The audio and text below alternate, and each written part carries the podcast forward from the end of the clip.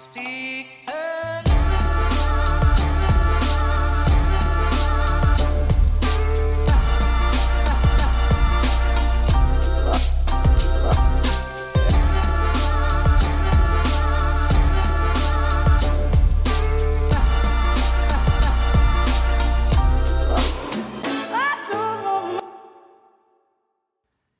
Ja da, da kjører vi på. Velkommen hit til Klagemuren. Mitt navn er Kevin Kildahl, og det er den 25. november, og klokka mi er 13.16. Eh, og det er jo en torsdag, og eh, jeg la ikke ut noe sending i går, men det var rett og slett fordi at eh, jeg er ennå ikke helt i mål eh, med denne eh, forkjølelsen min. Og i går så var det ganske sånn her Det var ganske slimete. Jeg består av slim. Hvis jeg dauer nå, uten at noen kan forklare hvorfor, så eh, vil de under obduksjon bare åpne kroppen min, og så er de sånn Helvete, hva er det her? Er det en kjeledress full av slim? Det er da jeg er. Så der det før var en hjerne, er det nå bare snørr. Ha det, baby! ja. Julianne er òg sjuk, så hun er jo heimeværende. Det sitter jo selvfølgelig kjempelangt inne hos henne å være hjemme fra jobb. Det er det, det er det som er liksom forskjellen på oss. Jeg vet at hvis jeg hadde jobba i et konsern, altså et sånn her system som eksempel Coop eller Rema eller Joker, som hun jobba for, så hadde det hadde ikke sittet så jævlig langt inne hos meg å bare si at du, eh, i dag er jeg sjuk. Men hun har altså en yrkessto yrkesstolthet som, ja, som jeg kan bare se jævlig langt etter. Nå skal det sies at for meg som komiker, så sitter jeg utrolig langt inne og sier at eh, du, eh, sorry dere som har kjøpt billett, men jeg er altså så sjuk. Det sitter så langt inne. Og jeg har gått og grua og vært livredd for at det skulle skje liksom oppi koronatida, sant? Fordi at Utvilsomt. Hvis jeg hadde fått beskjeden om at hei, Kevin, du har korona, gratulerer, Og da, da hadde jeg jo selvfølgelig avlyst show.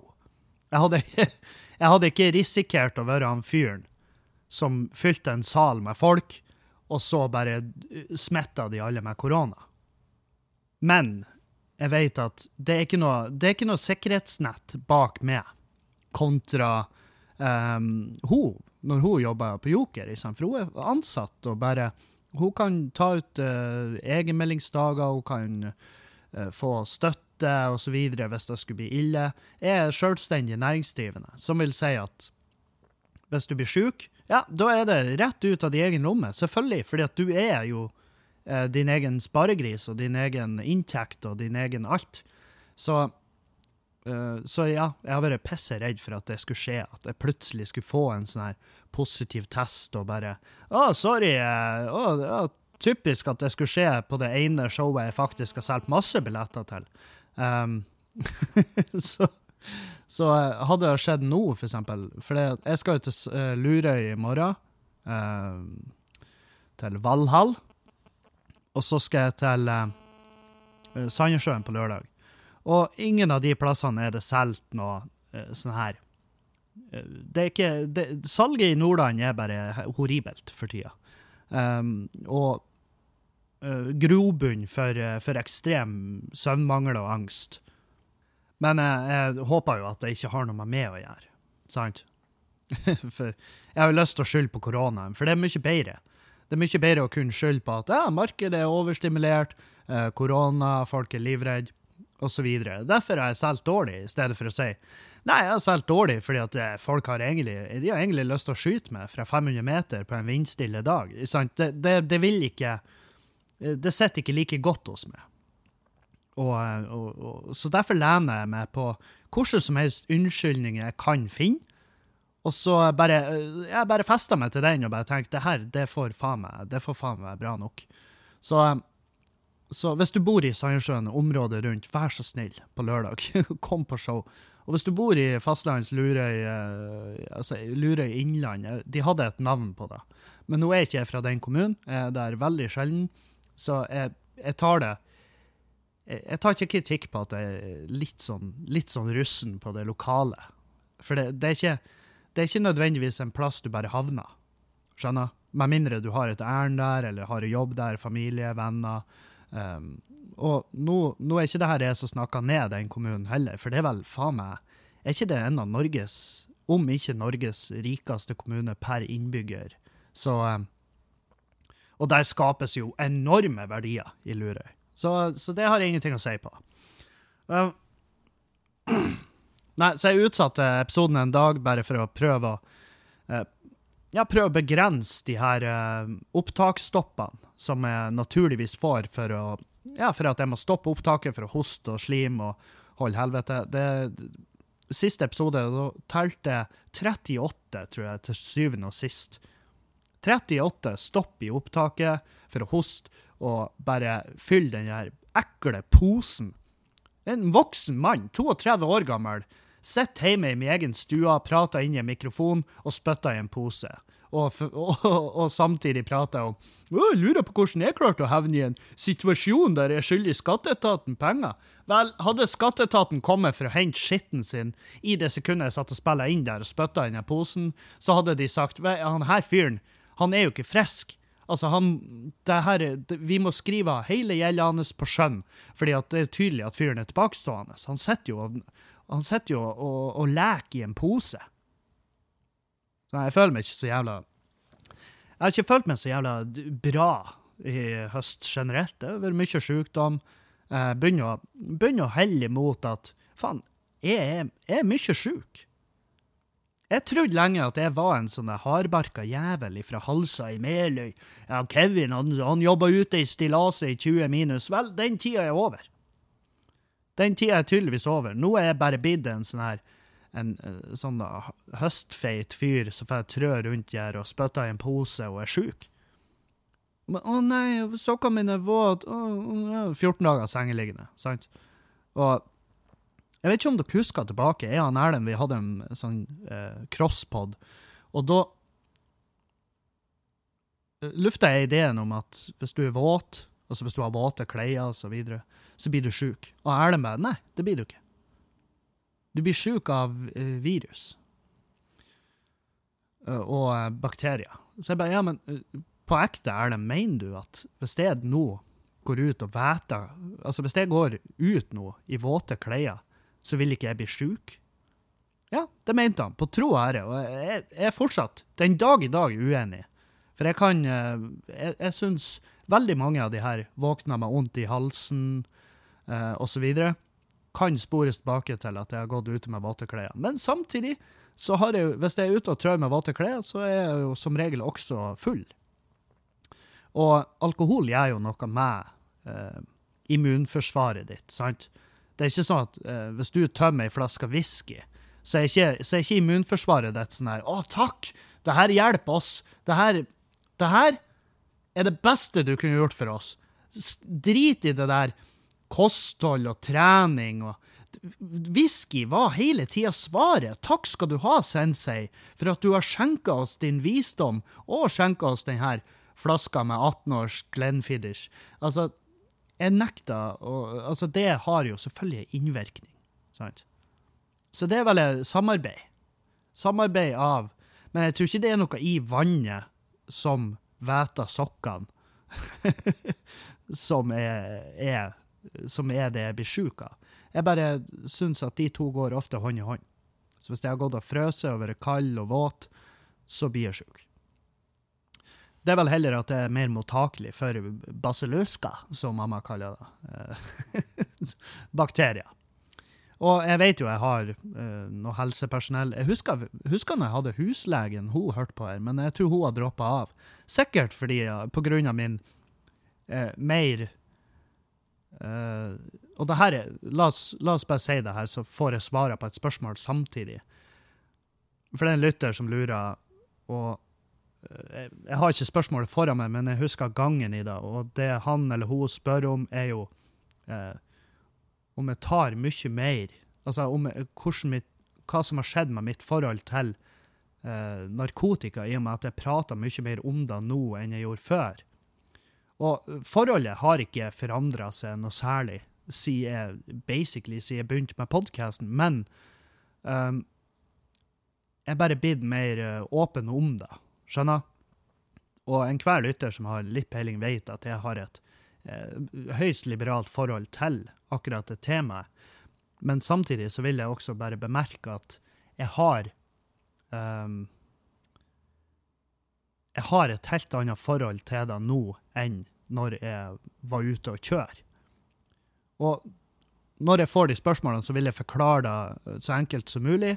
Så jeg kan si det sånn at for seks år siden så var jeg en rusmisbruker. Og i dag er jeg mer en russommelier, om du vil. altså, jeg har et helt annet forhold til det. Og, um, og et mye mer Og det forholdet jeg har til det nå, er bygd på respekt og Ja, egentlig respekt. Jeg respekterer alt det, alt det skitten som finnes der ute. Og jeg får også tidvis kjeftemeldinger for at det er forherliga da, og så videre. Um, og det, og det er en mening du, du er hjertelig velkommen til å ha. Men nå er det masse annet der ute som blir forherliga på et helt annet nivå, som tar livet av så mange flere. Altså Det som tar mest, livet av mest folk i Norge, er jo ja, livsstilssykdommer. Men vi har fortsatt 12 000 jævla bakeprogram um, og matlagingsprogram hvor det faen meg nesten utelukkende består av sukker og horribelt fett. Sant? For det er jo det som er digg. Og jeg anerkjenner da at, å, gud bedre, kroppen min, i hvert fall nå i høst, er jo et testamente på hvordan, hvordan Altså, jeg er ikke på kjøret når det gjelder narkotika, men akkurat nå, i den perioden jeg er inne nå, så er, har jeg vært på kjøret eh, på sukker og fett. Sukker og elendig fett. Og det hadde jeg tenkt å også prate om. Og det er at, eh, det, for det er flere av lytterne som har lagt merke til at jeg har vært mye mer nede. Det har vært mye mindre hva jeg skal si, dynamikk, eh, og det har vært mye mindre ja, det har, vært, det har, ikke vært, så jævla fast. Det har ikke vært så faste rammer på det i det siste. Og, og det er fordi at, selvfølgelig pga.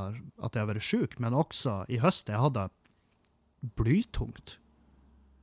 Og nå føler jeg at jeg, jeg, føler at jeg tar tak i det, kontra for noen uker siden, når jeg bare var Jeg, jeg tok meg sjøl i å sitte i sofaen og bare se i veggen.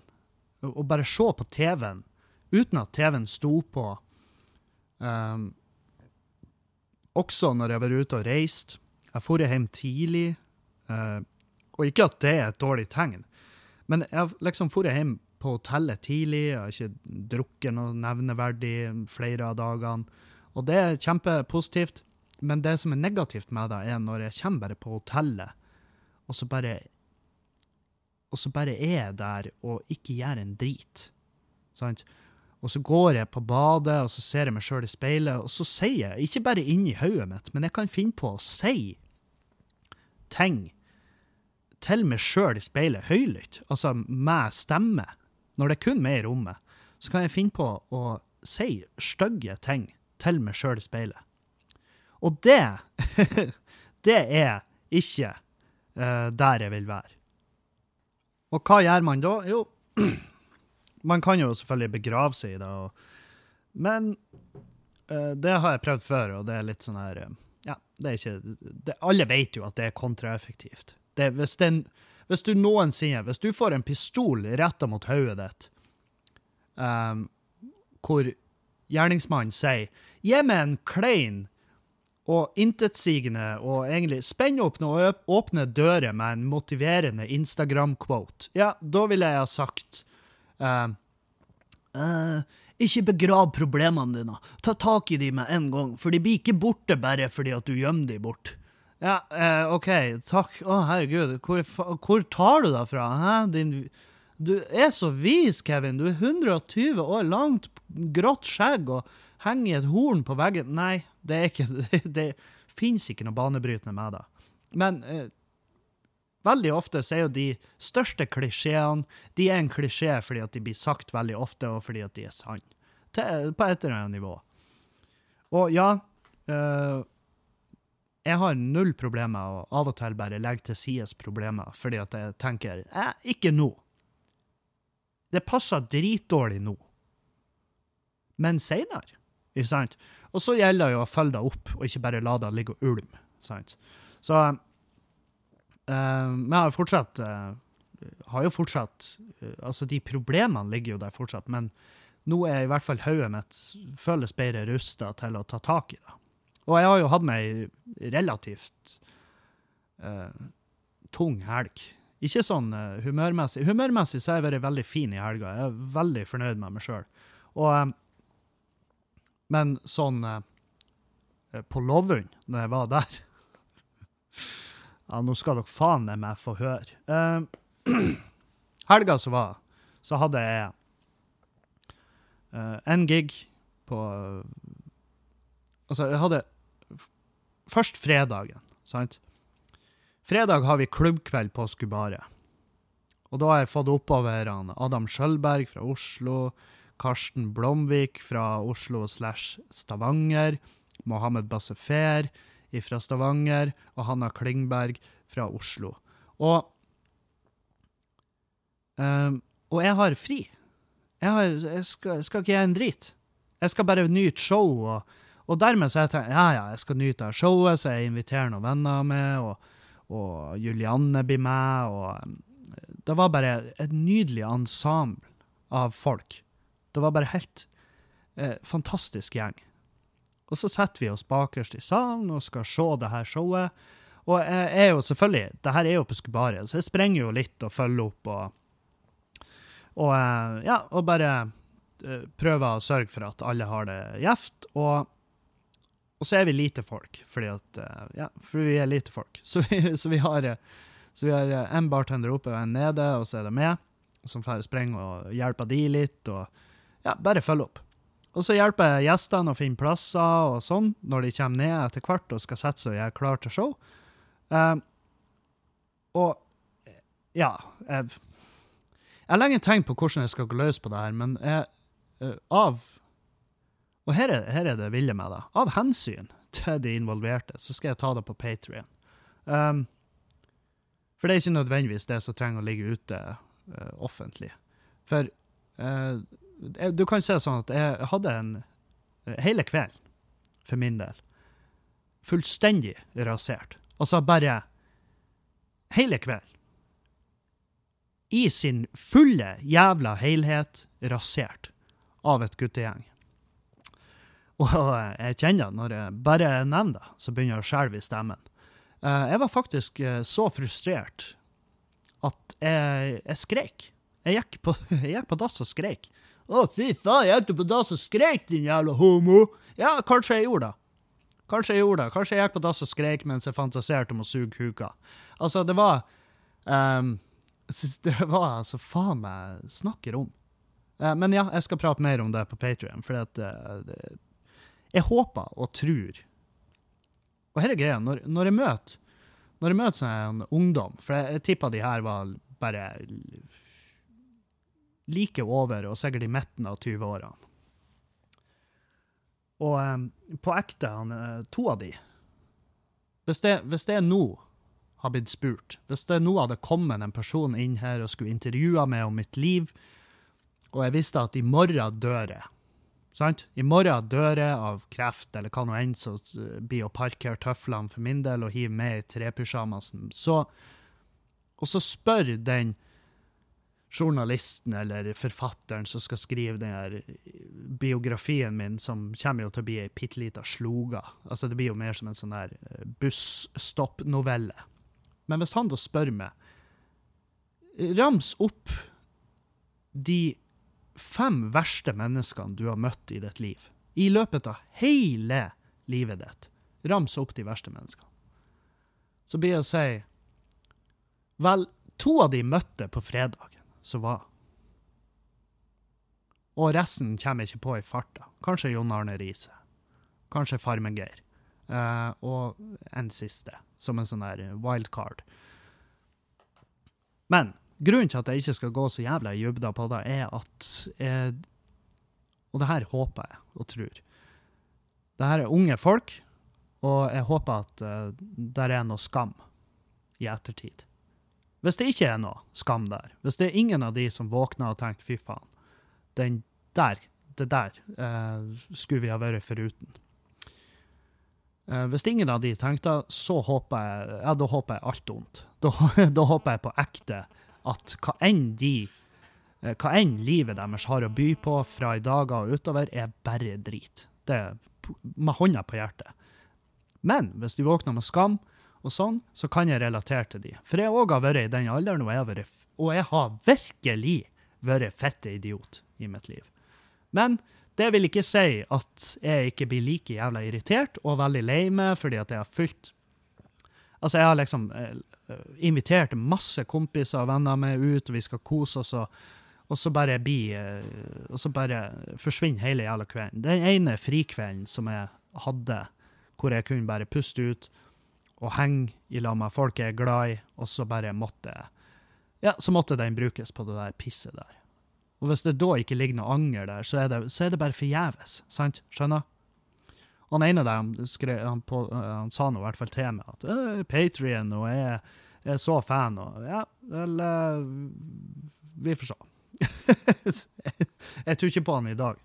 Men ja, nok om det. Uh, Klubbkvelden var jo uh, for de som ikke har krevd pengene igjen, for det var jo en ja, jeg har vel en uh, sju stykk som har bedt om refundering, hvor jeg var sånn Ja, jeg ser den. Jeg ser den. Etter eh, For de satt i det området rundt de guttene. Og eh, ja. og de meldingene Jeg, jeg bare svarer Vet du, den ser jeg. Men eh, for de som fikk med seg klubbkvelden, de som satt kanskje nærmest scenen, og de som ikke fulgte med på det halloiet som foregikk med meg og de guttene, så eh, tror jeg det var en jævla fin kveld. Og det er jo altså et fantastisk bra gjeng med komikere. Helvete. Adam Skjølberg er altså uh, så inn i helvete tight på scenen. Altså, det, det er på inn- og jævla utpust han fyren der prater. Det går i ett jævla sett, og det er bare latter på latter på latter, og det, det er bare så tight. Det er bare så tight og deilig å høre på at uh, Nei, jeg er bare skikkelig Jeg syns det er jævlig fett. Så uh, all jævla ære. Og Karsten og, og Hanna og Mohammed òg ga altså faen meg en helt sinnssyk eh, Sinnssyk figur. Så eh, vel blåst til de. Og så eh, kommer jo lørdagen snikende. Lørdagen kom snikende som jeg vet faen, som en lydløs, ryggende hest, og så spenna den meg rett imellom øynene. For da var det altså bare rett opp og hoppe i bilen og kjøre alene. Og det her er og det, Jeg prøvde jo virkelig. Jeg prøvde alt jeg kunne for å få med meg noen. Fordi at jeg, jeg vet at jeg har vært i en periode nå hvor det har vært mye darkness, og ikke sånn at jeg er redd for at Jeg er ikke redd for at jeg skulle liksom ha tatt mitt eget liv. Jeg bare, Det har vært jævlig mange ettermiddager og kvelder nå hvor jeg har bare vært alene når jeg var ute og reist, um, og hvor jeg bare hadde det trasig. sant? Kjipt å være med. Synd om Kevin. Kjipt å være med Kevin. Ja, nettopp. Eh, Så jeg tenkte jeg skulle prøve å få meg med noen, men det var jo ikke så jævla mange som var keen på å være med til Lovund på lørdag, og trene på søndag, og så hjem på mandag. sant? Og den ser jeg. Jeg, jeg, jeg var ikke sånn her Du gjør aldri noe for meg. Nei, eh, jeg skjønner at det der er et herk for noen som har en A4-dag, for eksempel, med en jobb som de må følge opp, osv. Så, videre. så jeg tøffa nå nedover fra Bodø ned til eh, Stokkvågen, som er Det er en fire timers tur. Fire timer blank fra Bodø, og jeg la, jeg la inn én time til cuntfuckery, og det er jeg veldig glad for at jeg gjorde, fordi at føret var drit. Eh, jeg er ikke noe glad i, eller flink, tror jeg, å kjøre bil på vinterføre. Jeg har aldri vært fan av å kjøre bil på vinterføre. Hater det. Syns det er noe jævla drit. Så jeg gjør det minst mulig. Men nå hadde jeg jo ikke akkurat så jævla mye valg heller. Jeg må fære og gjøre den jobben, og jeg har gleda meg til den jobben. fordi at uh, ja, fordi at jeg har ikke vært og gjort standup på Lovund før. Um, jeg har hørt bra ting om arrangøren, og jeg har hørt uh, fra andre komikere som har vært på Lovund, at det, det er liksom et takknemlig og bra gjeng. Så, så jeg tar det her seriøst, og jeg kjører tidlig, og, og rekker jo den ferga med god margin. Uh, første tabben jeg gjør, er at jeg har med meg en koffert. Jeg har med meg den douchebag-kofferten min. Og den er jo fette genial.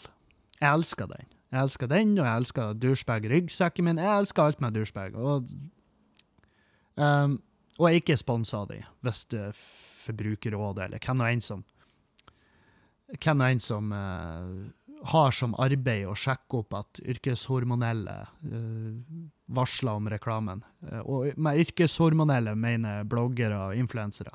Men um, jeg har tatt med meg en trillekoffert, og jeg skal ut på ei fuckings øy.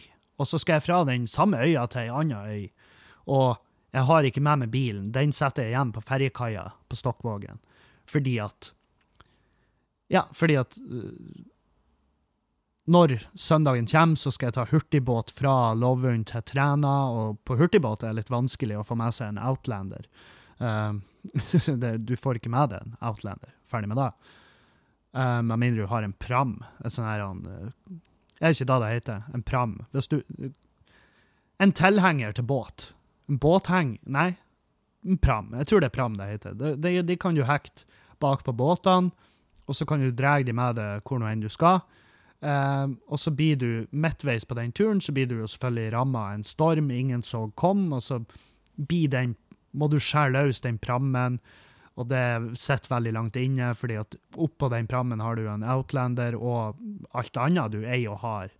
Og det her er jo henta direkte ut av veldig mange filmer, føler jeg. Men poenget mitt er at jeg kunne ikke ta med meg bilen. Så jeg for ombord, jeg trilla om bord med den jævla kofferten og ryggsekken på. Og altså, det er jo snø. Snø, for det første, er jo drit for en trillekoffert. Uh, da triller han ikke. Da drar du med deg et Jeg vet faen.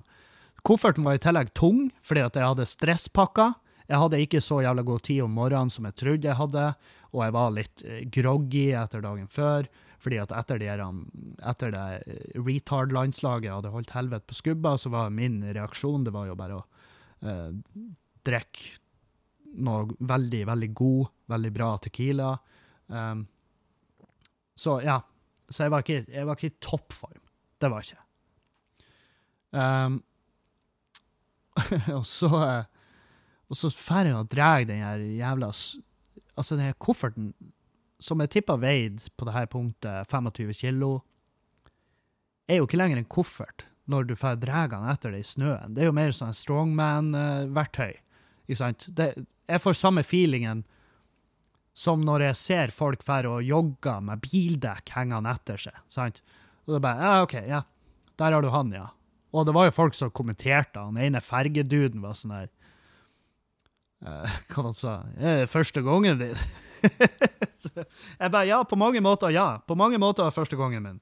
Men Ja, så jeg følte meg som en tosk. Men så går vi i land på Lovund, og så begynner han å lukke opp den her porten, og så reagerer jeg, for det lukter fisk. Og ja, ja jeg vet jeg har snakka mye om at det lukta diverse lukter. Det var det hestlukta på det hotellet nede i Oslo. Det var en fyr som sendte meg en melding og sa at jeg, jeg tror du hadde mikroslag. Men det har jeg fått bekrefta i senere tid, at det lukta på ennå på det hotellet. For jeg har bodd der siden. Og jeg var innom i den etasjen bare for å sjekke. Og det er et eller annet i den etasjen. På et eller annet rom der det er sikkert et langtidsleid rom, og så er det en fyr som bare har smugla inn en hest, og så er hesten daua der, eller noe sånt. Men anyhow Hvor var jeg? Jo, porten går opp på eh, ferga, og jeg står der i lag med han fergeduden som styrer porten, og så sier jeg faen, jeg lukter fisk. Og så sier han eh, det lukter penger.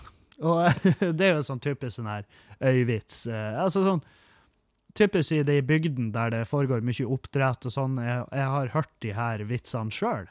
For jeg vokste opp på Halsa, og der produserer vi fiskfôr, og eh, det er også masse laksemære i fjorden der.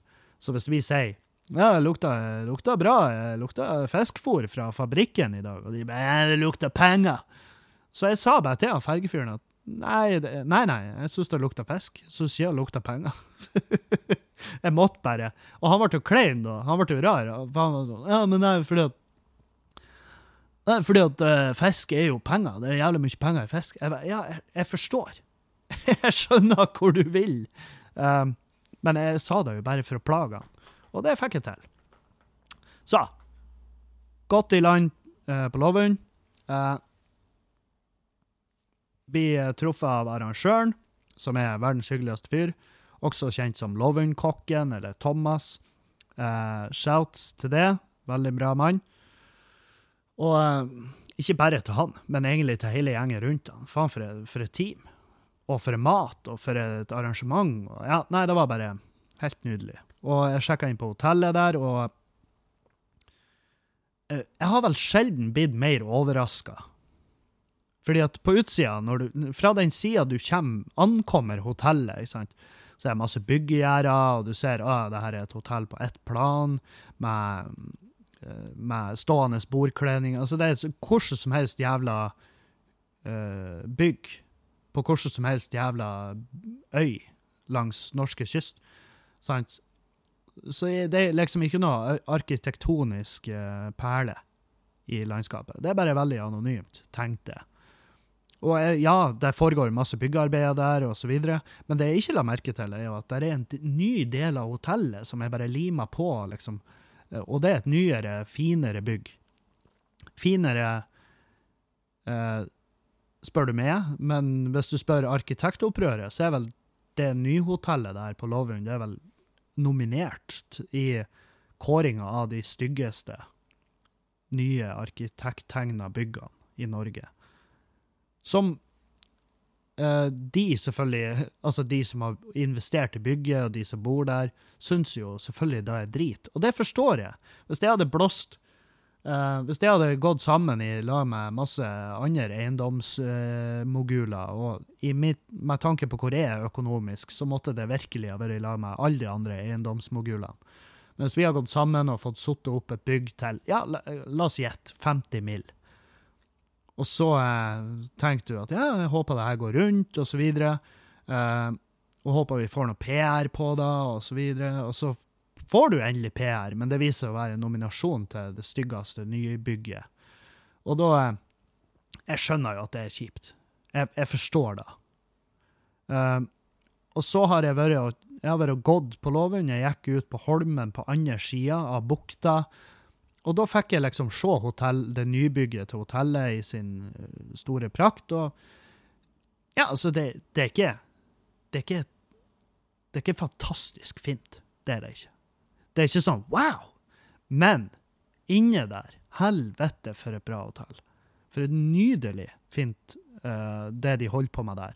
Og det er et kunstgalleri. Der hengte jeg. Jeg hengte der faktisk i ja, På søndagen, før jeg skulle ta hurtigbåten ut til Træna, så var jeg vel i det kunstgalleriet og bare drakk kaffe og bare gikk og kikka i eh, ca. to timer. Og- der er også er det sånn svære vindusflater der du kan sette i en deilig stol og bare se utover landskapet og fjorden. Og, og det er virkelig fette fint på Lovund. Helvete hvor fint det er der. Og det er svære, forbanna fjellet som er opplyst med lyskastere. Nei, de eh, gjør noe riktig der. Og for en bra gjeng. For en fantastisk fin fest, hvor jeg skal være konferansier og gjøre litt standup. Um, og så er det en DJ der som heter Arnt, som, er jo en, eh, faen, en, en figur som jeg møtte på eh, fergekaia på tur bortover. Og um, han kjente meg igjen, og eh, jeg, han kunne fortelle meg at vi har møttes før, men det er veldig mange som forteller meg, og det er også veldig få av de jeg husker. Og det har ikke noe med at det er en drittsekk nødvendigvis. Det, for det første så møter jeg ti nye folk hver dag. Så når folk sier sånn her Å, du må møte en ny person hver dag. Ta hils på en ny person hver dag. Ja, eh, det gjør jeg. Og vel så da. Og for det andre så eh, har jeg også møtt veldig mange i den tida hvor jeg drev på og rusa meg som en forbanna gærning. Og det er klart, da er vel ikke eh, nyerverva minner er ikke det kroppen og hodet mitt eh, prioriterer, da. Så Og så har jeg også det at jeg er fjesblind. Eller i hvert fall tilnærma lik. Jeg har prøvd å Jeg har prøvd å sette Jeg har prøvd å liksom tenke over hvor lang tid må jeg ha i lag med en person for at jeg skal huske de. uh, fremover. Altså for at de skal bare lage seg i hodet som Der har du han. Og der har du hun. Det, det, jeg klarer ikke å sette fingeren på det. Og det, det har vel litt med hva har vi gjort i lag, eh, hvilken form har vi vært i, eh, hvor dype, altså hvor interessante samtaler har vi hatt. Eh, ja, det må det, Også hvor, hvor, hvor masse liker jeg det som person. Det, det, må, det er ikke å komme utenom. Det er selvfølgelig en faktor. Nå var han her Arnt-fyren ikke en fyr jeg misliker, så det har ingenting med det å gjøre. Det har sikkert bare med at jeg var fucked up, og at vi ikke hengte særlig lenge i lag. Men nå på Lovund så hengte vi jo. Vi hengte jo hele jævla fergeturen over, og vi var og spiste, og ja, det var god stemning. Veldig trivelig dude. Um, DJ og um, Ja. Uh, og han spiller før og etter showet. Så først var han på, og så var det med. Og da gikk jeg opp på ei lita scene, de hadde sittet opp liksom ute i salen, og det er jeg veldig glad for, fordi at det var et altfor svært stykke mellom publikum og hovedscenen. Så når de sendte meg bilder da, så var jeg sånn Å, fitta. Skal jeg stå der i, liksom i andre enden av gymsalen og prate? Det er ingen som blir å se med, det er ingen som blir å høre med. Det, det, vi skulle ha ei scene litt nærmere. Og det fiksa de, fordi at de er faen meg dritbra arrangører som hører på artisten. Eh, og så går jeg på og åpner det her, og det er jo eh, ja, rundt 200 stykk i salen. De sitter på langbord, og det er jo julebord. sant? Det er flere firmaer som har julebord, og det lukter fisk eh, eller penger. Og um, du skjønner at her er det mye, det er mye røktere. Og hvis du ikke vet hva en røkter er, så er det De jobber De jobber med oppdrett. sant? De, jobber, de fôrer fisk, de følger opp fisk, og de prater med fisk, og de Ja, altså, de gjør masse. For det, det å drive oppdrett, det er ikke bare å det er ikke bare å hive noe fiskefôr i en mære, så blir det til slutt dritbra fisk. Nei, nei. Fisken skal vaksineres, den skal inspiseres at han har det bra. Eh, for du kan, sånn som jeg har forstått det, så kan du merke på fisk om de er Altså, laks blir, eh, kan bli eh, deprimert. Tenk på det. Og det er jo ikke så jævla rart, fordi at på et eller annet nivå så har jo laks ei bevissthet. All fisk, alle levende organismer har vel på et eller annet nivå en bevissthet. Og det er klart, laksen, hvis han da er Hvis han blir født i hvis han, For det er laks, laksebabyer, hva det heter, yngel. Lakseyngel. Eh, smolt. De blir jo født i en svær kasserolle, gjerne på land helst på land, eh, hvis de ikke vil, ute i naturen, selvfølgelig. Men da har ikke vi noe med det å gjøre, annet enn at vi selvfølgelig raserer habitatene deres og utrydder de sakte, men sikkert. Men de blir født i en kasserolle inni et eller annet fabrikk, og så blir de gjerne, når de er kommet i den alderen at de kan settes ut i merdene, så blir de frakta ut til ei svær Og merde er jo bare enorme garnsekker. Altså enorme sekker ute i havet, der de kan svømme fritt i enorme gåseøyne. Sant? Så blir de kølt i de posene der de lever, til at de skal eh, dø.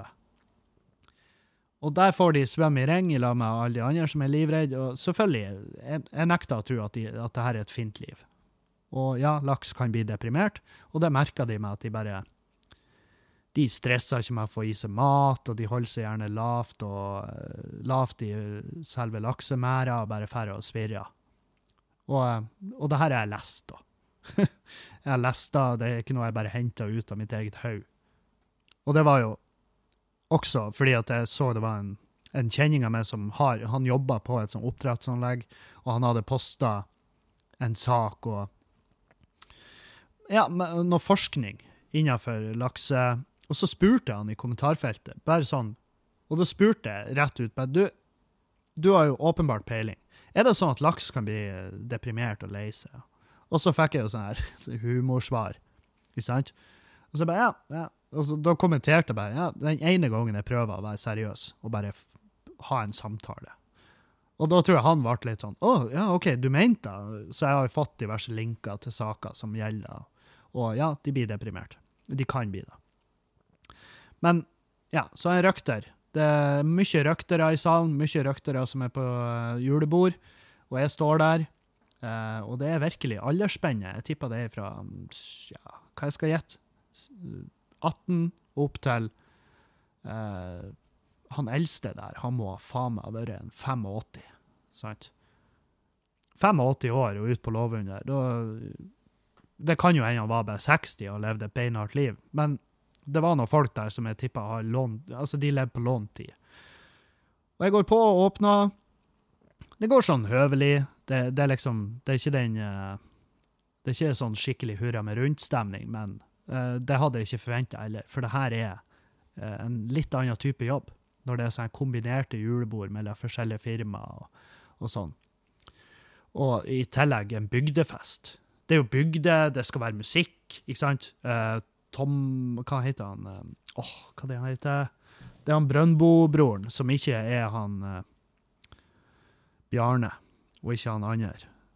Brøndbo eh, Brødrene OK, skal vi se. Hvem er Bjørn... Faen òg, altså. Vent litt. Thomas Brønstad, eller Brøndbo. Og, eh, og han er jo eh, Jeg introduserte han som den den, den Brøndbo-broren uten fedme, men med sangstemme. For det har han virkelig. Helvete, han er flink. Og, eh, og han har med seg band, og det var jo skikkelig som partyband. Så det var full Det var liksom de, de går for én ting, og det er stemning og allsang, og det holder jeg med dem i på en sånn her type fest. Det hadde vært jævlig dumt å få inn en en sånn her «Å, Nå skal vi ha en indie singer-songwriter som skal kun fremføre ballader akustisk. Sant? Det hadde jo ikke Det hadde ikke gått hjem hos det gjengen der. Men under setet mitt, midt under setet, så eh, går brannalarmen. For da er ribba eh, ferdig, tydeligvis, på kjøkkenet. Så alarmen går, og den eh, er jo selvfølgelig som den skal være på et, på et relativt nytt og bra utstyrt samfunnshus. Så er jo den ganske høylytt og ganske omfattende. Og det ender med at jeg bare jeg, jeg må bare gå av scenen, og så bare prøve å hjelpe de og få den skrudd av. Eh, så omsider så går jo alarmen av. Eh, jeg, jeg må berømme alle sitt Jeg må berømme alle sin, eh, sin evne til å gi fullstendig faen i en brannalarm. For det var ingen som røyste. Når, når den gikk, så var jeg sånn OK, folkens, eh, nødutgangene er der og der. For jeg tenkte ja, enn hvis det er brann, da skal ikke jeg være han fyren som da, Det skal ikke være han Kevin som har sagt Å, folkens, ro ned! Det, det er mest sannsynlig bare noe på kjøkkenet. Det er ikke noe stress over. Og så daua 150 stykk fordi at eh, det ble panikk når brannen brøt ut i selve salen, og folk skulle ut døren samtidig, og så bare klemte de seg fast. Sånn som den horrible videoen som brukes i vaktkurs. Det husker jeg når jeg tok kurset for å bli dørvakt. Så viste han kursholderen en video fra en uteplass, jeg tror det var i Tyskland, hvor det brann. Eh, tok fyr på scenen der. Og det, det som er med den videoen, er at den er filma i ett, så du får se hvor jævlig fort det går. Fra det tar fyr bak den ene musikeren på ei scene, de har noe som uh, ulisensiert pyrodrit under konserten sin, og det her er en tettpakka, lavt under taket-type klubb, og det tar fyr, og det tar altfor lang tid før at folk blir, får panikk. Og når folk får panikk, så er det gjort. Og da er det et sånn her segment i den videoen hvor han fyren som har kamera, han står utafor uteplassen og bare Ja, han bare får eh, Du ser hvordan folk sitter fast i døråpningen og bare ikke kommer seg noen vei, mens røyken og flammene velter ut. Det, det er noe av det jævligste jeg har sett. På ekte.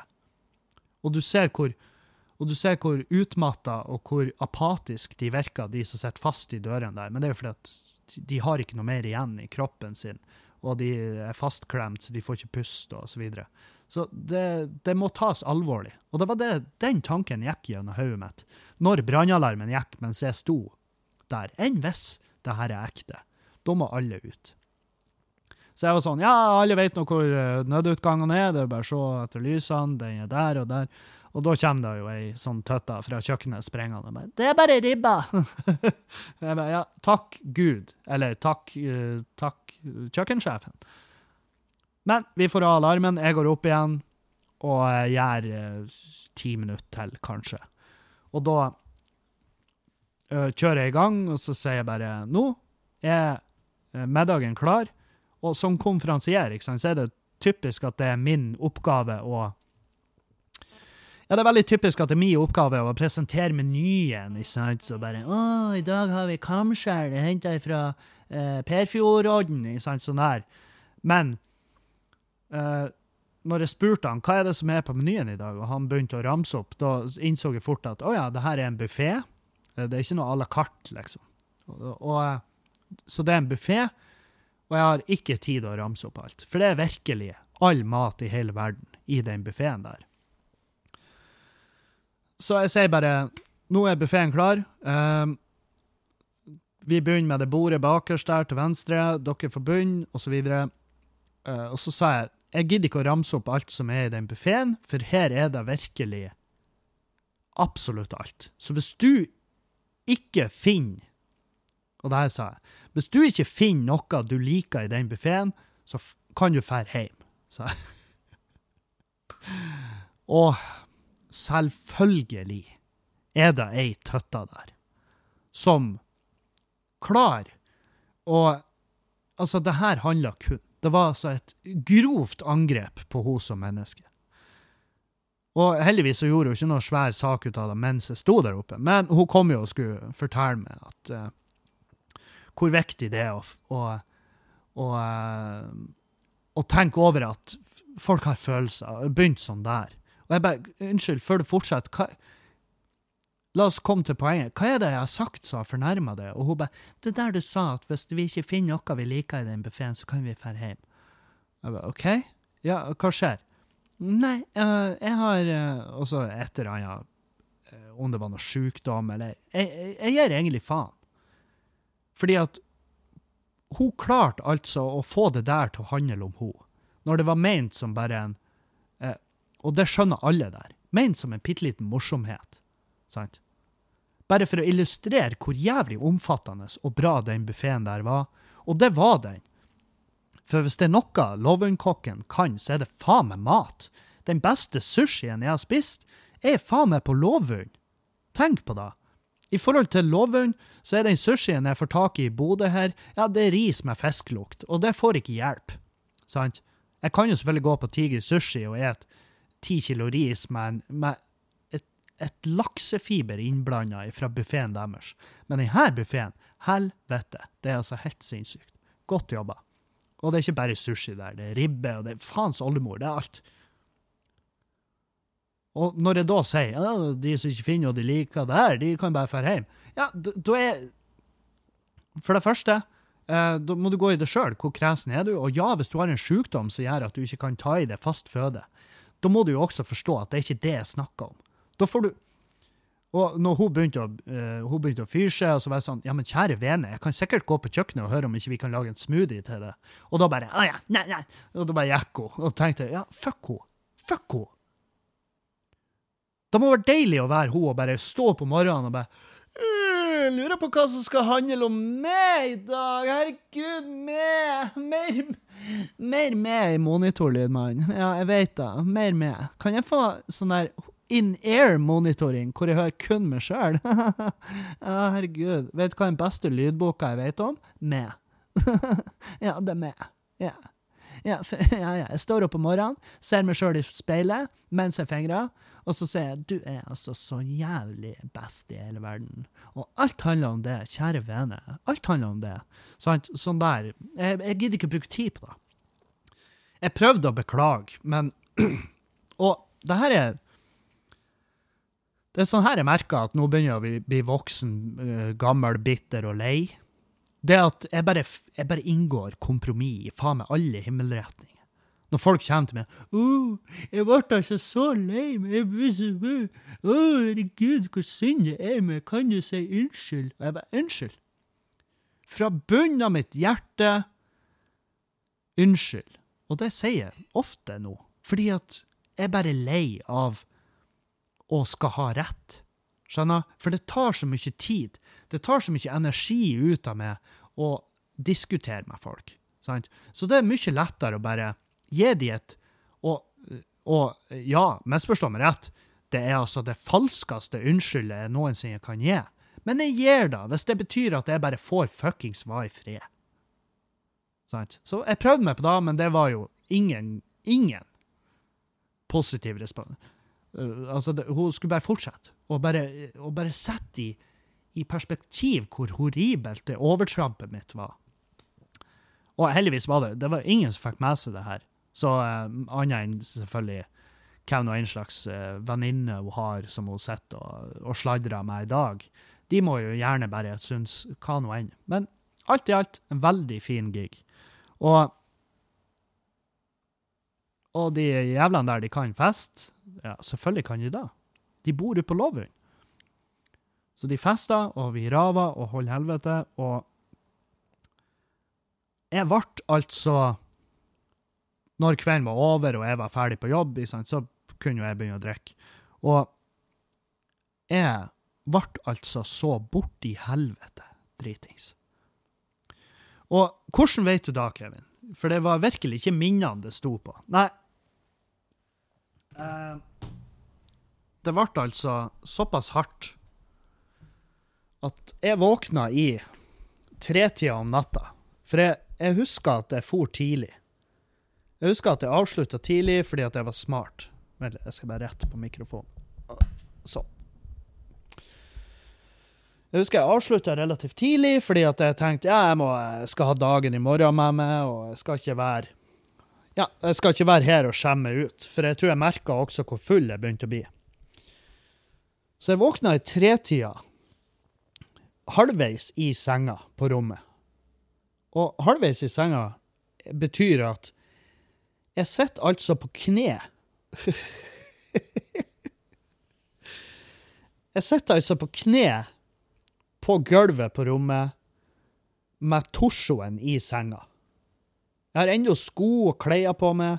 Jeg har bare kommet rett inn på rommet, og så har jeg satt meg ned på gulvet og bare tippa fram i senga, som om jeg er bedt til en eller annen ikke-eksisterende gud om å ta ifra meg alle de syndene som jeg har begått i løpet av kvelden, eh, hva nå enn de skulle være. Men ja. Og det er jo noe med Altså, det, det er jævlig sjelden det her skjer med meg. Jeg, jeg kan si at det er vel den første gangen i år. Og jeg Ja, det skjedde én gang i fjor, husker jeg. Da våkna jeg på gjesterommet hjemme påkledd. Og da vet jeg at ah, røff kveld i går. Eh, jeg må dyppe tåa i vannet og se om jeg ennå har en forlovede. Ikke sant? Men eh, det, det, må jo være altså det, det er det rom for hos alle. Alle burde ha en sånn, i hvert fall én gang i året, sånn at du får minna deg sjøl på at «Ah, jeg er ikke verdensmester. Jeg er ikke den beste i det jeg gjør. Verken drikke eller rav eller pool eller gjør show. Jeg bare eksisterer, og jeg er min greie. Og av og til så er min greie drit. Og det var det tydeligvis når jeg drakk meg full, fordi at ja, det er veldig ulikt med å være så søppel at jeg søvner med klær på. Uh, ikke at jeg dømmer dere som gjør det til en fast greie. Dere, dere, må bare gjøre hva enn som passer for dere. Så lenge du er fornøyd med hva nå enn du gjør, og hvordan du lever, så uh, Så ja.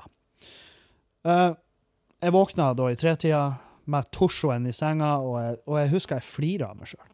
Jeg flira. Sånn Heldigvis var jeg i den formen at jeg kunne flire av meg sjøl allerede da. bare, Hva faen du holder på med, Kevin? Så jeg gikk på dass og pussa tennene, og, og det, det, merk meg, det er et jævlig fint rom. Lovund hotell kan jeg anbefale på strak jævla arm. Herregud, for et fint rom jeg hadde. Og jeg kan pusse tennene og la meg, og så visste jeg at jeg kan sove faen meg. Jeg kan sove så lenge jeg vil. Det er nesten eh, ubegrensa hvor lenge jeg kan sove. Fordi at dagen etter så skal jeg til Træna, og hurtigbåten går faen ikke før klokka seks på kvelden. Så jeg sover nå så lenge jeg kan, og det varte jo til ti. Og så står jeg opp og spiser litt frokost. og det var God nok frokost på det hotellet. Og hotellet opererer jo nå med to hender på ryggen fordi at de driver på Sånn som jeg forstår, så har de ikke et kjøkken, så de driver på å bygge ut et kjøkken. Så, så frokosten er eh, litt amputert, men den er god. Og der er ferskpressa juice på sånn her patentflaske, og det er nydelig utsikt, og det, det er bare helt fantastisk.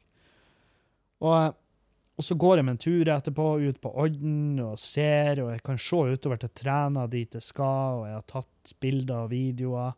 Jeg syns det er altså faen meg så flott der ute. Så gratulerer til alle som bor på Lovund. Dere har det i hvert fall jævla fint rundt dere. Og derfor så håper jeg at dere har det fint hjemme òg, sånn at dagene deres bare er fine og fantastiske. Og så vet jeg at de som jobber for f.eks. på Nova Sea, som er et oppdrettsfirma, de har noe helt sinnssyke, sinnssyke bonusordninger til sine ansatte.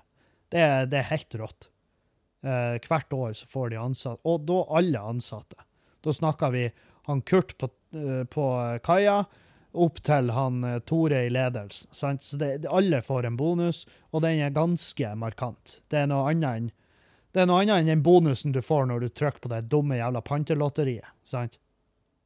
Så de har det gjevt der ute, og jeg unner de da. Og når tida kommer, hurtigbåten skal gå Jeg tar med meg den dumme jævla trillekofferten min ned på kaia, så jeg får brøyta kaia, i hvert fall, til de folkene som ikke vil gå seg våt i snøen. Så har jeg vært på forhånd med kofferten min og brøyta en, en, en fin liten gangsti til enhver jævla deltaker på den båtturen. Og så møter jeg en, eh, ja, en lokal bygdeoriginal på kaia der, og han er bare for å uh, Ja, han, vært, han kommer med en bil for å levere til noen som kommer med båten, og så kommer han bort til meg og prater som om vi har kjent hverandre siden vi ble født. Og det gjør meg ingenting, for han er, han er bare på ekte skikkelig trivelig. Og når jeg skal gå om bord i, i båten, så tar han meg på skuldra og klapper meg og så tar han meg i den andre handa, og så sier han, 'Jeg er glad i deg, Kevin. Du er en bra fyr.' Og jeg bare 'Takk. Herre, takk.' Noe så, noe så snilt. Jeg var helt lamslått over godheten i han der lille fyren her. For en fantastisk figur. Gjorde dagen min. Uh, men ja, så er det hurtigbåttur over til Træna, og på hurtigbåten så møter jeg jo legendariske eh, Daniel Furre, som har vært dagen før og varma opp for han Dag Sørås på uh, Meiergården Mo i Rana. Og tydeligvis gjort en jævlig god gig der, for han er helt i hundre på båten og har sjøltilliten ute. Ja, han sa 'jeg har sjøltillit'. for, for første gang i mitt liv, sa han. Jeg var 1,70 i går, sa han, etter han kom av scenen. For han er veldig liten. sant? Så når han har gjort en bra gig, så ble han plutselig 1,70, som er tydeligvis et mål. Og uh, han Daniel er en fantastisk mann. Uh, han har også uh, Åh, hva det heter uh, Alkoholfostersyndrom. Så det er veldig Jeg tipper det er veldig mange som, og med blant annet, han møter nok en del fordommer av folk som ser på han og tenker ja, her har vi en spesial case. Uh, men han er, altså, han er altså bare en fantastisk herlig mann. Han er en artig jævel. Helvete. For han varma opp for meg på Træna. Og han bor der, så det her ble hans første opptreden på hjemmebane. Han gikk jo og var jævlig nervøs for det, og det, gud bedre. Det unner jeg ingen, og jeg forstår han så godt. For jeg har opptredd på hjemmebane så jævlig mange ganger sjøl. Så jeg vet hva det er han går til, og jeg vet hva han potensielt går til, for jeg har gjort elendige gigger på hjemmebane. Og jeg og jeg får de ennå slengt i trynet. Så ja. Uh, så jeg sa til han at uansett hvordan det her går, for han var sånn å, hvis det her går dårlig, så blir ikke standup igjen. Og jeg bare, du, det ikke si sånn. Du må ikke legge den type press på deg sjøl. Hvis det her går dårlig, så det, har det ingenting å si. Det har ingenting å si. Ingen praktisk betydning. Så bare gå inn med alt du kan av tru og ære på at du skal gjøre en bra gig. Og hvis det ikke blir en bra gig, vel, da plukker du opp bitene, og så fortsetter du å jobbe, og så gjør du neste gig bedre. Forhåpentligvis. For det er en del av gamet. Det er en del av gamet å tryne, og det skal vi gjøre ganske ofte, faktisk. Ikke mer enn vi gjør det bra, for da hadde jo det her vært Da hadde det ikke vært en bransje med bærekraft. hvis vi gjorde det oftere dårligere enn vi gjør det bra. Men, og i hvert fall i startgropa. Det må virkelig være rom for å prøve seg fram og finne ut hvem er det jeg skal være som komiker. Så det sa jeg til han. Bare ikke, ikke legg for mye press på deg sjøl for at eh, for at du skal liksom gjøre en bra gig. Ta Legg press på deg sjøl for at du skal gjøre en, uh, en så god innsats som du kan. Og det å opptre på hjemmebane er drit. Det er horribelt. Uh, I hvert fall til at du får ja, i hvert fall til at du føler at du får såpass eh, tilbakemeldinger fra det lokale publikummet, og at du er blitt så flink og varm i trøya, at, du, at de går ifra å være folk du har vokst opp til eh, i lag med, til å bli folk som setter pris på det du gjør av yrket òg. Og det føler jeg at jeg ja, driver ennå på med i Meløy, men eh, det er på tur å bli sånn. Så ja. Giggen skal foregå på noe som heter eh, Havfolkets hus. Eh, eller kroa, som, som de lokale sier. Og det er jo også veldig typisk sånn her lokalpuber. Det er jo at de eh, ofte på folkemunne beholder det navnet som var uh, enklest og lettest å si. Og da skjønner jeg at kroa sklir litt lettere på tunga enn har Havfolkets hus. Det, det, det husker jeg vi hadde på Halsa. Da hadde vi Dråpen. Det var navnet på puben. Og eh, det navnet ble sittende. Jeg kaller det ennå Dråpen. Uh, Men det har jo vært mange andre navn på det. Det er selvfølgelig puben. det er også et veldig typisk navn på den lokale puben. Det er Pub 1. Det er den lokale puben. Og, um, men det har altså hatt så jævlig mange navn. Og det har denne kroa her òg, tydeligvis. For jeg fikk historien fra en av de lokale. Uh, Furre går opp, gjør en uh, veldig fin figur, spør du meg, og jeg koser meg masse med settet hans. fordi at uh, ja, det var flere av de bitene der hvor jeg tenkte helvete, det her er faktisk på ekte. Det er, jeg skulle ønske jeg hadde skrevet denne biten.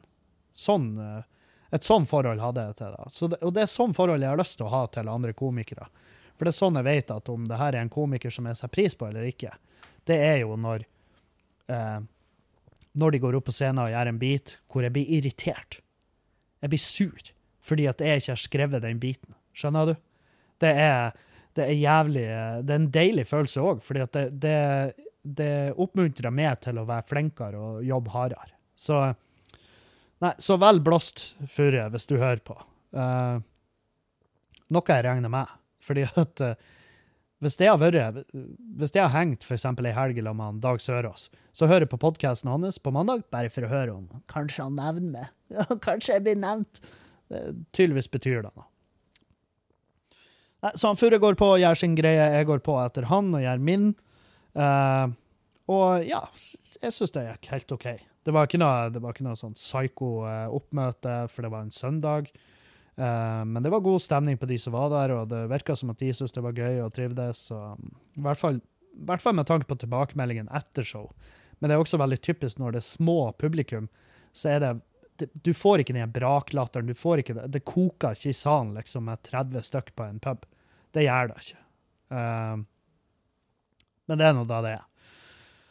Uh, så jeg gjorde den giggen, og etterpå så var det bare å uh, ja, jeg spiste, jeg en burger, for det var det de hadde på huset. Jeg måtte velge mellom burger og pizza, og da bestemte jeg meg for at en burger uten chips, det må jo være det minst usunne av det usunne, skjønner?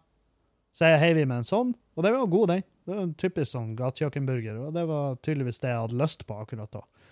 Så tassa jeg opp på eh, trena overnatting, som, eh, som var der jeg var innlosjert, og fine rom. Det eneste jeg så irritert med, det er at det er liksom sånne enkeltsenger. Jeg trodde at uh, Jeg trodde at det var slutt på det. Jeg trodde, det, jeg trodde ikke de ble levert enkeltsenger lenger. Med mindre du selvfølgelig på liv og død skal ha en baby og et barn, så trenger jo ikke de nødvendigvis en king size bed. Det skjønner jeg.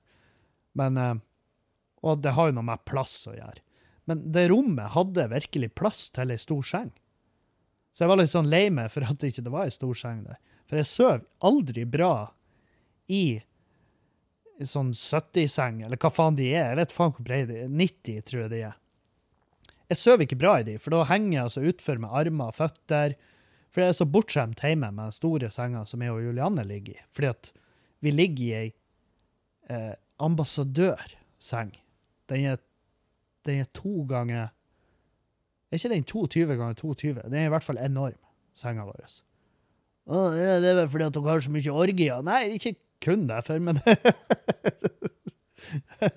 Men ja, nei, vi bare liker å ha god plass. Og det har ikke jeg på den 90-senga, så jeg ligger jo med ene armen utfor, og så våkner jeg, og så kjennes det ut som at den armen her, den må jeg jo bare kappe av med. Den er ubrukelig lenger. Den er, nerver er ødelagt, og alt. Og du kan faktisk bli det. Du kan, hvis du ligger i dum stilling, eksempel du ligger på sofaen, og så henger armen din utfor, så kan du faktisk risikere å få en nerveskade på grunn av det. Og det føltes det som at jeg fikk den morgenen der. Men eh, ja, jeg sitter nå her nå og peiver med begge armene, så det går nå greit. Og eh, trener der eh, Der banka jeg meg sjøl opp på det hotellrommet. Altså sånn i speilet, og det var mørkt. Så, så jeg bare Jeg bare la meg. Bare, alt må være bedre enn å være våken og prate drit til meg sjøl. Så jeg la meg og sovde, og så våkna jeg dagen etter altfor tidlig, ikke sant? Fordi at jeg, skal du avtrene, så må du Da må du være opp Da må du ha morgen med det. For ferga hun gikk 06.45. Sant? Og jeg, og jeg så i fergeruta at den kunne gå 06.15 hvis det var eh, Hvis det var eh, avlyst anløp av en annen plass. Ikke sant? Sånn der. Jeg hater å lese rutetabeller, i hvert fall når hver jævla rute i den tabellen har ei sånn stjerne oppi hjørnet. For da vet du at OK, nå må jeg bla, bla til bunn, og så må jeg se hva slags sinnssyke betingelser som gjelder for at denne ferga skal gå. ikke sant? Og det er sånn Ja, nei, den ferga her går hvis Ragnhild er i godt humør og ikke holder helvete med oss når vi har, anløp. Ikke sant? Sånn der. Ja, hvem i faen er Ragnhild, og hvordan vet, hvordan får jeg hun i godt humør? For jeg har jo ikke lyst til å møte opp på kaia 06.15 hvis ferga egentlig skal gå 06.540. Sant? Men jeg måtte jo bare møte opp 06.15. Så 06.00 så tar jeg den dumme jævla kofferten min, så brøyter jeg meg nedover. Og jeg må, jeg må jo gå helt ifra overnattinga til ferjekaia. Det er ikke langt. Men det er langt nok når du drar med deg alt du er og har. For jeg har stresspakker, sant? så den kofferten er full av fettskit jeg ikke har bruk for. For eksempel, jeg nevner bare to par gymsko. Hæ? Hva i faen skal du med to par joggesko når du drar til Lovund og trener? Hva trodde du skulle skje der borte? Hva trodde du skulle skje der borte som gjorde at jeg skal faen meg dra på gymmen? Og så drar jeg på gymmen, og så sliter jeg ut ett par sko. Så må jeg tilbake og hente. Nei, dæven, jeg trener pinadø sunn, de skoene. Jeg skal dra og ta på meg noen ferske nye. Det, det, det, det eneste jeg mangla, som jeg ikke hadde pakka ned, var jo et nattbord og en snøfres. Og den snøfresen har jeg jo fått egentlig bruk for.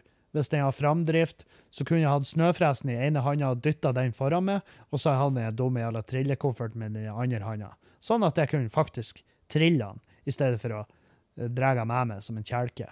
Så uh, Ja. Nei, jeg for derifra på eh, mandag eh, morgen, og så eh, Og så var det bare å hive seg i bilen og begynne å tøffe hjem på mandag. Så, eh, så hele uka mi har jo vært dytta en dag. Så min søndag ble jo mandag og tirsdag, og så var jeg ennå sjuk i går. Og for dere som spekulerer, ja, når du er sjuk og har, du er forkjøla Ja, jeg har jo holdt meg hjemme de dagene Stort sett hjemme de dagene jeg har vært smittsom. Nå, eh, nå holder muligheten åpen for at jeg kan ha smitta noen med forkjølelsen min før jeg visste at jeg faktisk var sjuk sjøl. For det er sånn som jeg har forstått det, så er det da du er mest smittsom. Det er like, like før det bryter ut, sant? Men jeg liker å tro at jeg er flink å vaske hendene og bruke antibac og ikke drar og nevler for mye.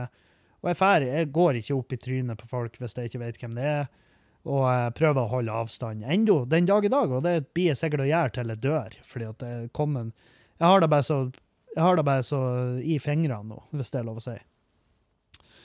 Men ja, Eh, så denne uka har jo vært det den har vært. Har, vi driver jo på, så det her blir vel Det blir jo nesten som en kunngjøring. Men eh, ja, vi driver på spekulere i hvordan vi skal gjøre ting framover på den her uh, jævla det puben vår, som er jo et evig Som lever jo på evig låntid.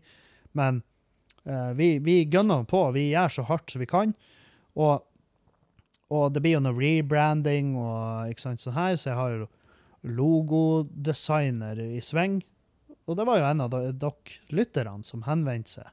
Og jeg må bare få si uh, Han kaller seg Lobotom på Instagram, og han er altså faen meg uh, en bra fyr, altså. For det han har sendt meg til nå, av de forskjellige tingene som jeg jobber med, med å rebrande og redesign og videre og videre, det er altså bare Han treffer meg. Han er en flink fyr. Så uh, all jævla ære. Og altså, jeg vet fort hvor jeg skal henvende meg i fremtida. Så uh, nei, jeg syns han er en dyktig fyr, og jeg takker så uendelig mye for hjelpa. Så vi har han i sving på den sida. Og så har jeg fått også mye, mye god hjelp og mye bra samtaler. Og egentlig eh, i seinere tid fått en jævlig god venn i eh, møbelnazien. han Han burde jo egentlig få et bedre kallenavn. Men eh, han er Han heter Espen, og, uh, og er bare en fette dyktig fyr innenfor interiør og møbelsnekring. Så han, jo, han skal jo bli min mentor når jeg kommer så langt at jeg kan begynne å bruke litt av det verktøyet jeg har i garasjen, for, lage, for jeg har lyst til å lære meg å, å lage, lage, møbler. Jeg syns sånn feinschmeckeri jeg synes det er jævlig kos. Jeg syns det er fette kos. Jeg syns det er dritfett å se noe bra bli til. Noe bra som jeg sjøl har laga med mine hender. Uh, som et finish-produkt. For det er da jeg har innsett at der, den type arbeid er for meg. Uh, den type arbeid der du uh, Som grovarbeid og sånn her tomte, tomtearbeid og råbygg videre. Ja, det er fett nok da, men, men det gir meg ikke det samme. Og jeg lurer på om, det, jeg lurer på om en faktor der med møbelsnekring kontra eh, grovsnekring er eh, det her med været. At jeg slipper å være utendørs. For jeg vet at en møbelsnekker, hvis han bare fokuserer på det feltet, liksom, eh, så kan han jobbe innendørs eh, hele, hele sin yrkesfartstid. Og det er jo helt nydelig. Hadde jeg visst om det, hadde jeg tenkt meg litt mer om tidligere, så hadde jeg jo selvfølgelig gått 100% all in på det. Men, uh, men ja, det nytta jo ikke å være så jævla ettersnar. Så jeg får heller bare prøve å lære meg det, og så fikk jeg litt for meg sjøl. Og det er jo veldig mange som gjør det i voksen alder. Det er jo veldig typisk han, han bestefar å få en, få en, greie for å snekre møbler i voksen alder, og så kommer Ja, så bygger han krybbe og fuglehus og uh, skjærfjøle og så videre til til sine barn og deres barnebarn. Og, så videre. og det er Ja, jeg kunne lett ha blitt han fyren. Nå har jo ikke jeg noe barn jeg skal gi noe til, men jeg har noen onkelunger som jeg kunne ha laga noe til. Så um, vi får se hvor langt det der blir å gå. Men jeg håper det blir noe av, fordi det er noe terapeutisk med det. Og da skal jeg, da skal jeg, da skal jeg ofre deg mer, mer, tid og mer tanker og mer uh, energi. Uh, på sikt, akkurat nå, så må jeg jo bare sørge for at ikke at skatteetaten kommer og hugger med hodet og setter på en påle i utkanten av byen til skrekk og advarsel for enhver annen jævel som Ja, jeg vet jo ennå ikke hva jeg har gjort. jeg, skulle, jeg skulle likt å sitte fingeren på da, i hvert fall. Åh, ja, så har vi denne uka. Den uh, starta jo med at man kommer hjem sliten og livredd etter å ha kjørt fire-fem timer på det føre. Og uh, og jeg er glad at jeg er kommet i den alderen at jeg begynner å innse at det er meg. Det er jo bare jeg som ikke er en Jeg er ikke noe eh, Om jeg ikke kjører bil ofte nok, eller at jeg bare ikke har feelingen for det Jeg bare har kategorisert meg sjøl som en høyst middelmådig sjåfør, som ikke er, er ikke noe unikum på vinterføre. Så det er ingen som har kontakt med for å si sånn, å, Kevin, eh, vi trenger hjelp med å få frakta det her, og du er jo en knakende sjåfør på vinterføre. Nei, jeg er ikke det. Jeg er livredd. Jeg setter meg hendene på ti og tolv, nei, ti og to, og jeg er fette redd. Jeg setter med Jeg sitter og hviler haka på rattet. For, og jeg er så anspent at uh, det er nakken min. Det ser ut som ikke jeg har gjort annet enn å ta sånn her um, Hva de kaller det, øvelsen? Du ruller på skuldrene for å få nakkemuskler? Oksenakke. Sorry. Der fikk jeg en sånn her slim. Hørte dere da? Opp i halsen. Bare, Den kan komme ut av ingen plass. Og det var bare akkurat så jeg rakk, rakk å sette på pause på opptaket før jeg hosta ut i rommet her. Men eh, det slimlyden Det ekleste med den lyden, det må jeg fortelle dere, og det er ganske mørkt, men det ekleste med den lyden er at det minner meg om hun mamma. Eh, de siste, siste dagen før hun døde, før hun endelig fikk slippe å, å leve så horribelt lenger. Når hun lå på dødsleiet, så hørt, da fyltes jo lungene med slim. Og da hørte du den lyden på inn- og utpust. Og det hørtes ut som en vannkoker. Du vet vannkokere like før de skrur seg av fordi at vannet koker. Fordi at vannkokeren har gjort jobben sin, som han har fått beskjed om å gjøre fra, fra fabrikk. Sånn hørtes det ut på inn- og utpust når mamma helt på slutten der. Og det eh, Jeg hadde ikke trodd at det skulle bli en sånn der Men det er rett og slett et traume, det å høre den lyden. Eh, men ja, hvor var jeg? Hvor var jeg før jeg ble så uhøflig avbrutt av min egen hals? Ja, oksenakke heter, kaller vi øvelsen på halsa. Den heter shrugs. Shrugs. Der kom det. Uh, ja. Men ja, jeg er en ræva sjåfør på vinterføre, bla, bla, bla, og så videre og så videre. Eh, og så eh, så er vi jo på tirsdag og onsdag. Det er, foregår mye på puben. Vi driver på å bytte ut en steamer som har takka for seg etter Ja, han har gjort, et, han har gjort en eh, meget, meget innafor innsats i løpet av sitt liv. Så det skal han ha. Uh, så har vi henta en ny steamer som trenger å fikses litt på. Det er avløpsrør der som er gnagd av av et eller annet. Ikke nødvendigvis et dyr, det er bare gått av. Og så har Kevin en som har prøvd å reparere. den, har reparert den med helt vanlig pakketeip. Så jeg tenker at jeg bytter ut den avløpsslangen, sånn som det er meint at det skal gjøres.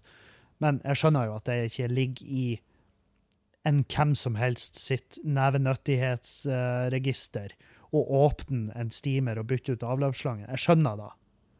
Og det er det fine med Jeg snakka mye drit om mi, min fortid som tømrer og alt det her.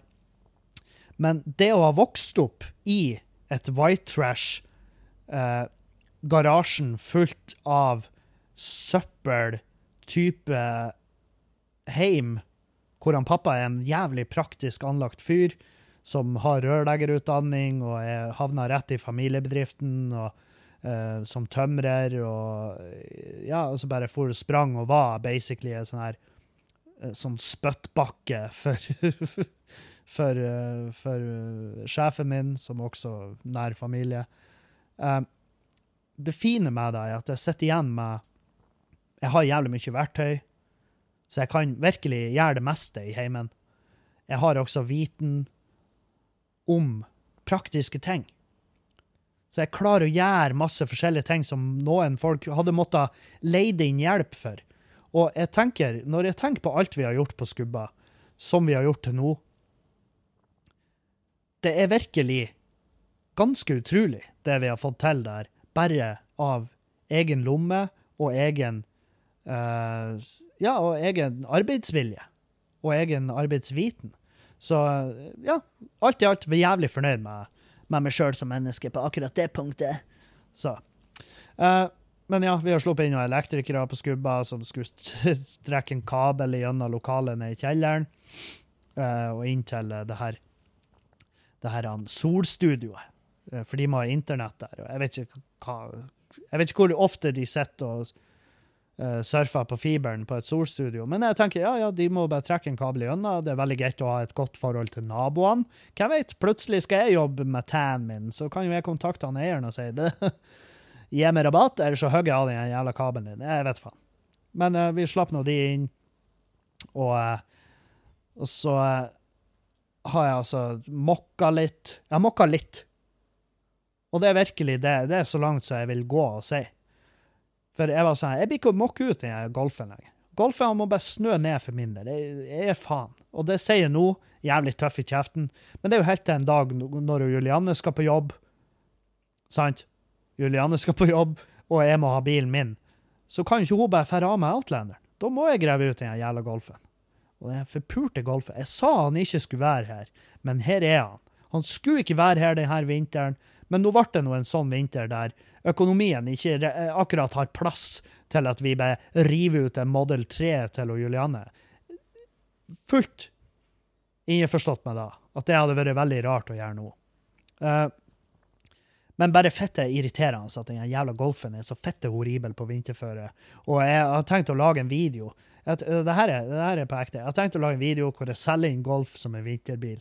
Det skal altså bli det mest sarkastiske driten som noensinne er laga. ja.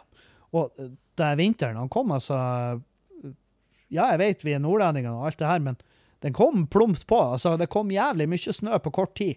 Så det var ganske kaotisk her i Bodø en stund. Eh, så Bodø-Glimt-kampen måtte utsettes med hva var tilleggstida der? 24 minutter. Jeg kom bare inn og så slutten av kampen, og så var jeg sånn Hva faen er det her for noe? Jeg tenkte bare 24 minutter tilleggstid, hadde det vært et terrorangrep, eller hva faen er det som er det som Men det var jo selvfølgelig snøstorm i Bodø, og de har måttet brøyte midt under kampen, og ja, da blir det sånn. Eh, men helvete, hvor glatt. Åh! I går Jeg vet ikke om dere husker jeg forklarte dere den historien eh, fra forrige vinter, når jeg drev på og jobba oppe på loftet i garasjen. Og så hadde jeg gått ut av det loftet, og så eh, ut på den lille platten som er utafor der, så hadde jeg begynt å skli. Og da bare sto jeg og sklei på is over lengre tid. For jeg bare dansa, sånn der riverdansa, for å holde meg sjøl på føttene. Og når kroppen bare kjemper for å holde balansen på is, og jeg bare står og spenner og sparker og peiver med nevene og hiver ifra meg verktøy og alt mulig rart, mens naboene står der. Og når jeg da endelig får fotfeste og står i ro, så spyr jeg. Jeg kaster opp utfor kanten på den platten der, mens naboene står der oppe, og jeg bare vinker og tenker ja, det var, det var den grillfesten. Det blir ikke. Um, en sånn hadde jeg i går. Uh, ikke så langt at jeg spydde, men jeg hadde en sånn hvor jeg for farta inn og ut av huset her, og jeg hadde en dag med energi. Jeg hadde en dag med energi, så jeg har fått gjort masse, eh, ikke masse, jeg har fått gjort litt arbeid her hjemme, og det var deilig. Uh, og Julianne var helt i hundre og hjalp til så mye som hun kunne, men hun er, hun er sjukere enn meg, så litt mer, uh, mer avslapning på henne da. Og, som hun burde, for hun skal tilbake på jobb. Men jeg går altså ut fra ytterdøra vår og holder på å gå så monumentisk på trynet at jeg, jeg strekker alle muskler i kroppen for å holde meg på føttene. Så hele eh, høyre side bak opp gjennom, eh, ribbeina. Og det er jo magemuskulaturen som gjerne går inn imellom ribbeina, for det var jeg plaga meg i fjor etter jeg hadde mokka snø. Tenk deg, jeg ble ufør. Jeg ble eh, kortvarig ufør fordi at jeg mokka snø. Jeg har så vondt at jeg greide ikke å sitte, ligge eller stå. Eh, og det var den muskulaturen her som hadde fått seg en kavring, og nå har den eh, fått det igjen. Men skal, nå vet jeg hva det er, så jeg skal ikke holde meg i ro og syte og klage. For det sa han legen, at ta og hold deg i normal bevegelse, for det, det vil, hvis du bare legger det ned og syter, så blir det, så blir det å gjøre vondt og verre, og kan fort bli kjipere før det blir bedre. Så han sa, ikke bare hold det i ro. Ta Hold det litt i bevegelse. Men ikke færre ut og perse i markløft. Det er ikke det vi snakker om her. Men ja. Så nå ligger jeg og er støl. Uh, skal vi se her Hva eh, Hva jeg skulle si? Ja, å dæven, vi har jo prata dritlenge. Uh, ja, jeg kan plugge litt på slutten her. Ta og uh, Kom på show hvis du bor i nærheten av Valhall grendahus i Lurøy, fastlandslurøy. Så kommer jeg dit i morgen, fredag den 26. Yes. Og så uh, har vi lørdag den 27. i Sandnessjøen, og det er jo da på eh, Å, hva det heter Kulturbadet, mener jeg på at det heter. Jeg beklager hvis jeg sier feil, men det er Det, det er mange kulturhus nå for tida. Ja, ja, ja. Uh, og det er vel uh, stort sett det jeg skal pushe her. Ja. Helvete, har jeg ingen gigger lenger? Da, det vil jo si at jeg må uh, Ja. Hvis det er noen som trenger underholdning til julebord, ta kontakt. For det trenger jeg virkelig. Jeg trenger, trenger flere gigger, gjerne. Og eh, det har vært veldig mange bra folk som har kontakta meg angående Og jeg har fått liksom fiksa en jobb. Uh, flere jobber, egentlig. Via lytterne. Så ikke vær redd for å ta kontakt hvis dere trenger underholdning til julebordet. Uh, jeg opptrer virkelig hvor som helst uh, i, i Norge. Så lenge, det, så lenge vi blir enige om det rammene, selvfølgelig. Jeg kommer ikke for hva som helst, hvor som helst. Men ja, jeg håper jeg ser dere enten på Lurøy eller i Sandsjøen i helga. Ha ei fin uke, og vi høres igjen på Patrion. Hvis dere er Patrion, så høres vi igjen der ganske snart. Hvis ikke, så høres vi igjen i neste uke. Adjø, adjø og auf Wiedersehen!